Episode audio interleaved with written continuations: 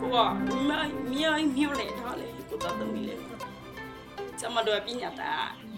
ပညာတာမနေ့တမနေ့ကမလလဆောင်နေရလေအခန်းလေးကသူကနည်းနည်းလေးပဲရှိတော့လေတဒန်းတဒန်းတော့သူကတဒန်းမှာအရောက်ကျင်းပြီးတော့ထိုင်ရတာလေတဒန်းမှာဆို၄ယောက်အရင်တော့ဆို2ယောက်3ယောက်ထိုင်ရအောင်အခုက၄ယောက်သူမဟုတ်လို့ဖျားသူကကြမ်းတာနေရတာထိုင်ရပူလဲပူတာဆိုတော့ပါကာလည်းရှိတာပေါ့ သူကပူခိုင်လို့စာတင်ရတာတိတ်ပြီးတော့မပျော်ရွှင်ခံစားရအဲ့လိုထိုင်းနိုင်ငံရောက်မြန်မာရွှေပြောင်းကလေးများစွာဟာကိုဗစ်ရောဂါမဖြစ်ခင်ဟိုးအရင်ကတည်းကကြောင်းမတက်နိုင်ကြပါဘူး။ကိုဗစ်ရောဂါတွေဖြစ်ပွားနေချိန်မှာလဲကြောင်းတက်နိုင်မှုအတွက်အတားအဆီးတွေထပ်ဖြစ်ခဲ့ပါတယ်။အဲဒီနောက်မြန်မာနိုင်ငံမှာအာဏာသိမ်းမှုတွေဖြစ်လာပြန်တော့လဲနိုင်ငံကထွက်လာတဲ့သူတွေပိုများလာပြီးထိုင်းမှာရှိတဲ့ရွှေပြောင်းတင် जा ရေးစင်တာတွေအပေါ်ဖိအားတွေဖြစ်စေခဲ့ပါတယ်။ ဒီအခြေအနေတွေကိုပိုသိနိုင်အောင်လို့ဒို့အတန်ဖွဲ့ကထိုင်းနိုင်ငံတောင်ပိုင်းကရနောင်းမြို့စီကိုတွားခဲ့ပါတယ်။မင်္ဂလာပါရှင်။မြန်မာနိုင်ငံတဝမ်းမှာရှိတဲ့လူခွင့်ရေးနဲ့ပတ်သက်တဲ့အကြောင်းအရာတွေကို တင်ဆက်ပေးနေတဲ့ဒို့အတန်အပတ်စဉ် podcast အစီအစဉ်ကနေကြိုဆိုလိုက်ပါတယ်။ဒီအစီအစဉ်ကို Frontier မြန်မာနဲ့ Foundation Hirondero ကတင်ဆက်တာဖြစ်ပါတယ်။ ဒီတစ်ပတ်ဆောင်းပါးကို Frontier မြန်မာရဲ့သတင်းတောက်တွေကဆက်လက်တင်ဆက်ပေးသွားမှာပါ။ဆောင်းပါးအတွင်းလုံခြုံရေးအခြေအနေတွေကြောင့်နာမည်တချို့ကိုပြောင်းလဲအသုံးပြုထားပါတယ်ရှင်။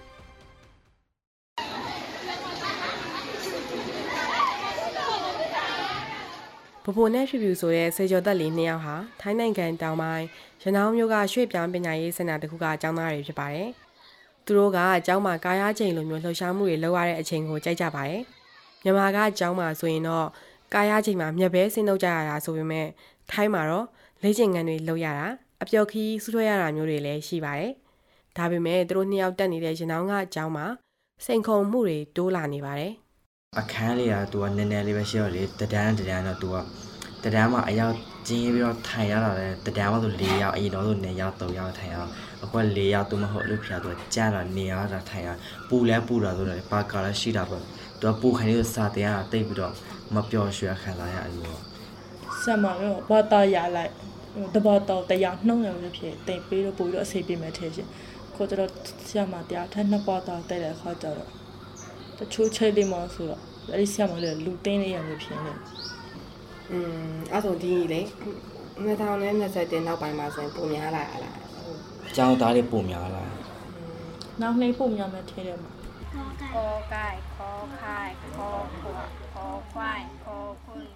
ရနောင်းမှာထိုင်းကျောင်းပြင်ပပညာရေးဌာနနဲ့ချိတ်ဆက်ပြီးရွှေပြောင်းကလေးတွေအတွက်ပညာရေးစင်တာ3ခုရှိပြီးတော့ကျောင်းသား1600ကျော်ရှိပါတယ်။ဒါပေမဲ့လိုအပ်ချက်ကထောက်ပံ့ပေးနိုင်တာထက်ကျော်လွန်နေပါတယ်။ရနောင်းဆိုတာက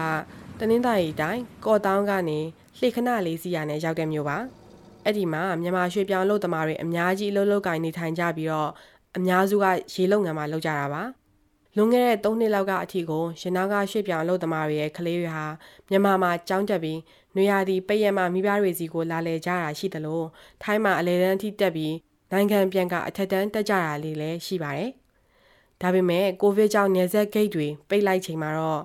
ကလေးတွေဟာထိုင်းနိုင်ငံထဲမှာပိတ်မိနေခဲ့ပါတယ်။ 2021ခုနှစ်ဖေဖော်ဝါရီမှာစစ်တပ်အာဏာသိမ်းတာပါထပ်ဖြစ်လာတော့ဖိနှိပ်မှုတွေပြည်ပခါတွေကနေလွတ်အောင်နောက်ထပ်မိဘတွေက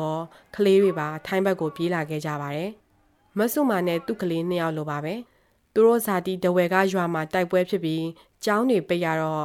သူ့ကလေးနှစ်ယောက်ကို2022ခုနှစ်ဒီဇင်ဘာမှာရနောင်းကိုခေါ်လာရပါတယ်။အခုတော့သူ့ကလေးတွေကြောင်းတက်ခွင့်ရဖို့အသေးအတန်စူးစမ်းရှာနေပါတယ်။ ကျောင်းတစ်ခုကတော့လက်ခံလို့မရတော့ဘူးလို့ညင်းလိုက်ပါတယ်။ကိုတီးနာတီချဲတငယ်ချင်းပြောလေတီးနာတီချဲကိုတွားလေတွားလေကိုသူတို့ကလူကြီးရောပြီလေအဲ့လိုမျိုးပြောလေမြန်မာလုံးမြန်မာဆဲမှာကိုရွေးချက်လိုက်ကြောင်းအမျိုးညင်းခတ်တာဆိုလေကိုမခါခက်တခုလေးမနော် Guiding Star Learning Center နဲ့ Merit Asia Foundation ရဲ့ရွှေ့ပြောင်းပညာရေးအစီအစဉ်မှာကျောင်းသားတွေက2020ကတည်းကနှစ်ဆလောက်ရှိနေပါတယ်။ ရနောင်းဌာနေကျောင်းကတော့လက်ရှိရှိနေတဲ့ကျောင်းသား800ဝန်းကျင်လောက်အထိပဲလက်ခံဖို့သတ်မှတ်ထားပြီးတော့ပို့ပြီးလက်ခံဖို့မရှိပါဘူး။ကျောင်းတွေအတွက်စင်ခုံမှုတွေတဲကတစ်ခုကငွေကြေးအထောက်ပံ့ဖြစ်ပါတယ်။ရွှေ့ပြောင်းတင် जा ရေးစင်တာတွေဟာကျောင်းလာကားနဲ့ပညာရေးဖောင်ဒေးရှင်းတွေဒါမှမဟုတ်တူဦးချင်းအလှူရှင်တွေရဲ့လှူဒန်းမှုတွေအပေါ်မှာမိခိုနေရပါတယ်ဆရာတွေရဲ့တရားဝင်အထောက်အထားအခက်အခဲလည်းရှိတယ်လို့ဆရာမတူကရှင်းပြပါတယ်သူတို့မှာကျတော့စေတနာဝန်ထမ်းဆိုရင်လုပ်လို့ရတယ်။ ဟိုလိုရှင်အမကပြီးတော့ဗောနော်စေတနာဆိုရင်ဝန်ထမ်းလုပ်ရတယ်။သူတို့ထိုင်းနိုင်ငံမှာပေးထားတဲ့အလုပ်တွေမှာကျောင်းဆရာမမပါဘူး။အဲ့ဒါကဆရာမတို့တွေ့မှာပင်ပန်းနေတယ်။ဆရာမတို့တွေတွေ့မှာအဲ့ဒါအခက်အခဲဖြစ်နေတယ်ဗောနော်။အဲ့တော့ကိုဖွင့်နေနိုင်ဖွင့်လို့မရတော့အဲ့လိုမျိုးဖြစ်နေတယ်။အရင်တော့အဲ့လိုမျိုးကိုတူကိုတန်းနဲ့တင်လို့ရမယ်ဆိုအခုတောင်းနေတပုံကြီးဖြစ်သွားပြီ။ဘာဖြစ်လို့လဲဆိုတော့ဟိုဘက်ကနေဝင်လာတဲ့ CGN ဆရာမတွေကလည်းတပုံကြီးပဲ။ ဒါပေမဲ့သူ့ဥပဒေနဲ့အဲ့လိုမျိုးမရဘူး။သူတို့သူတို့နိုင်ငံရဲ့ထိုင်းနိုင်ငံရဲ့ဥပဒေထဲမှာစာတင်တာခွင့်မပြုတာ။ဆရာမတို့ကပြန်ပြန်ပြီးတော့ချက်ခါတော့ချလို့ရှိရင်နမ်ဗီဇာပြန်လုပ်ရမှာပေါ့နော်။နမ်ဗီဇာပြန်လုပ်ပြီးတဲ့အခါကျရင်တော့အာဗိုလန်တီယာပေါ့။อืมဗိုလန်တီယာအနေနဲ့လက်ပြန်လုပ်တယ်ဆိုရင်ရတယ်။အဲ့လိုမျိုး။ဒီမှာ CGN ဆရာမတွေဆိုလုံးဝသူတို့ထွက်လို့မရတော့ဘူးလေ။ဆရာရီရဲ့တရားဝင်အထောက်အထားကိစ္စနဲ့ပတ်သက်တဲ့ပြဿနာတစ်ခုလည်းအရင်ကဖြစ်ခဲ့ပူပါတယ်။ 2019ခုနှစ်တုန်းကရနောင်းထနေကြောင်းကိုထိုင်းရဲတွေကနိုင်ငံခြားအလုပ်သမားစီမံခန့်ခွဲရေးဥပဒေချိုးဖောက်တယ်ဆိုပြီးဝင်စီးပူပါတယ်။ဆရာ32ယောက်ကိုဖမ်းဆီးပြီးအထောက်အထားမရှိလို့ပြည်နှင်တံပေးရတွေလုပ်ခဲ့ပူပါတယ်။တခြားအကြောင်းတွေကလည်းဝင်စီးခံရမှာစိုးရိမ်တဲ့အတွက်ပိတ်ခဲ့ပါတယ်။ ပညာရေးနဲ့ဖွံ့ဖြိုးတိုးတက်ရေးဖောင်ဒေးရှင်း FED ရဲ့တည်ထောင်သူဦးထုချစ်ကတော့သူ့အဖွဲ့အစည်းကနေထိုင်းတောင်ပိုင်းမှာရွှေပြောင်းလုပ်သမားတွေမှတ်ပုံတင်ပြီးကျောင်းငယ်လေးတွေဖွင့်လာနိုင်အောင်ကူညီမယ်လို့ပြောပါတယ် အလုပ်သမားတွေကကိုယ်အချင်းချင်း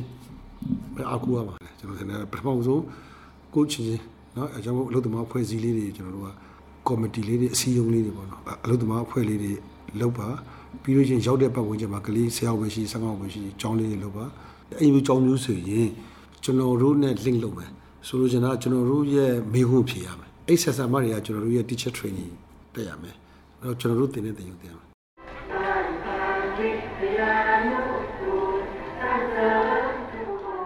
ထိုင်းကျောင်းတွေကိုသွားမယ်ဆိုရင်ရောအခြေအနေကဘယ်လိုရှိနေလဲ။ထိုင်းနိုင်ငံရဲ့အားလုံးအကျုံးဝင်ပညာရေးစနစ်အောက်မှာကလေးတိုင်းဟာထိုင်းနိုင်ငံသားဟုတ်ဟုတ်မဟုတ်ဟုတ်အထောက်အထားရှိသည်ဖြစ်စေမရှိသည်ဖြစ်စေ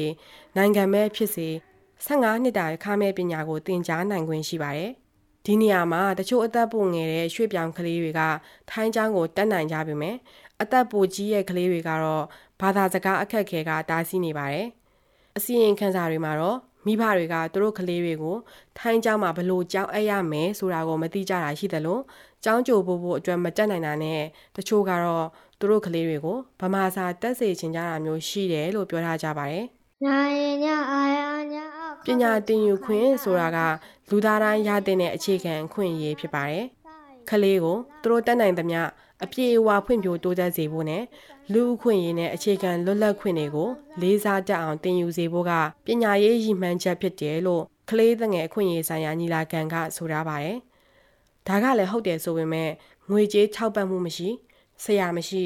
ဘီရိုကရက်တစ်အတားအဆီးတွေကတစ်မျိုးနဲ့ဘာသာစကားကလည်းခက်ခဲနေတဲ့ကြားမှာထိုင်းရောက်ရွှေ့ပြောင်းကလေးများစွာကတော့ကြောင်းတက်ခွင့်တွေဆုံးရှုံးနေကြရအောင်ပါပါပဲထိုင်းမှာရွှေ့ပြောင်းကလေး3သိန်းခွဲကျော်ရှိရဲလို့ထိုင်းပညာရေးဝန်ကြီးဌာနနဲ့ရွှေ့ပြောင်းလုပ်သမားရေးလှုပ်ဆောင်နေတဲ့အဖွဲ့က2018တုန်းကခန့်မှန်းထားပါတယ်။ ဒီတဲကကလေး2သိန်းကကြောင်းမတက်နိုင်ကြဘူးလို့လည်းသူတို့ကအခိုင်အမာဆိုထားပါတယ်။စစ်အာဏာသိမ်းလိုက်ကြတဲ့ကမြန်မာရွှေ့ပြောင်းကလေးဥယေတိုးလာမယ်ဆိုတာကတော့နေကြီးလက်ခံမလွဲပါပဲ။ Stepping Stone စီရင်ခံစာရဲ့2022ခုနှစ်ဒီဇင်ဘာမှာလုပ်တဲ့စစ်တမ်းအရထိုင်းရောက်နေတဲ့ရွှေ့ပြောင်းတွေဟာရေရှည်နေကြဖို့အတွက်အစီအစဉ်ရှိနေကြပါတယ်။ဆိုလိုတာကတော့ရွှေ့ပြောင်းမိဘတွေဟာသူတို့ကလေးတွေပညာရေးအတွက်ပူပန်နေကြရအောင်မှာပါပဲ။ မိဘတယောက်ဖြစ်တဲ့မတ်ဆုမာကတော့ရနောင်းကနောက်ဆုံးကျန်တဲ့ရွှေ့ပြောင်းတန်ကြားရေးစင်တာကသူ့ကလေးတွေကိုလက်ခံဖို့စောင့်ဆိုင်နေရတော့မှာပဲကိုကမြိုင်မြိုင်မြို့လေထားလေကိုတသမီးလေကျမတို့ပညာတာပညာတာမနဲ့သူမြနဲ့ကမလလဆောင်နေရလေအဆလို့တော့ပညာတာအထားရှင်မြို့လေကလို့ကြီးလေးမြို့လေရပေါ့နော် ကြီးမြို့လေရကြီးဆရှဝါဆိုလို့ပြောတာပေါ့နော်အခုဆိုတကယ်နဲ့ကရတင်ကြီးတီကြောက်ပြတာတွေကိုဆင်မပြေပြီလေမအသားလေးကြီးကူပြီလေအခုတင်ဆက်ပေးခဲ့တဲ့အစီအစဉ်ကိုနားဆင်ကြရလို့ကျင်းနေမယ်လို့ဒိုးအတန်အဖွဲ့သားတွေကမျှော်လင့်ပါတယ်ဒီအစီအစဉ်ကိုအလှူရှင်တွေကပတ်မှုကူညီထားပြီး Frontier မြန်မာနဲ့ Foundation Hero Dero ကပူးပေါင်းတင်ဆက်တာဖြစ်ပါတယ်။ ဒို့အတန်အစီအစဉ်ကိုနားဆင်ပေးတဲ့အတွက်ကျေးဇူးတင်ပါတယ်ရှင်။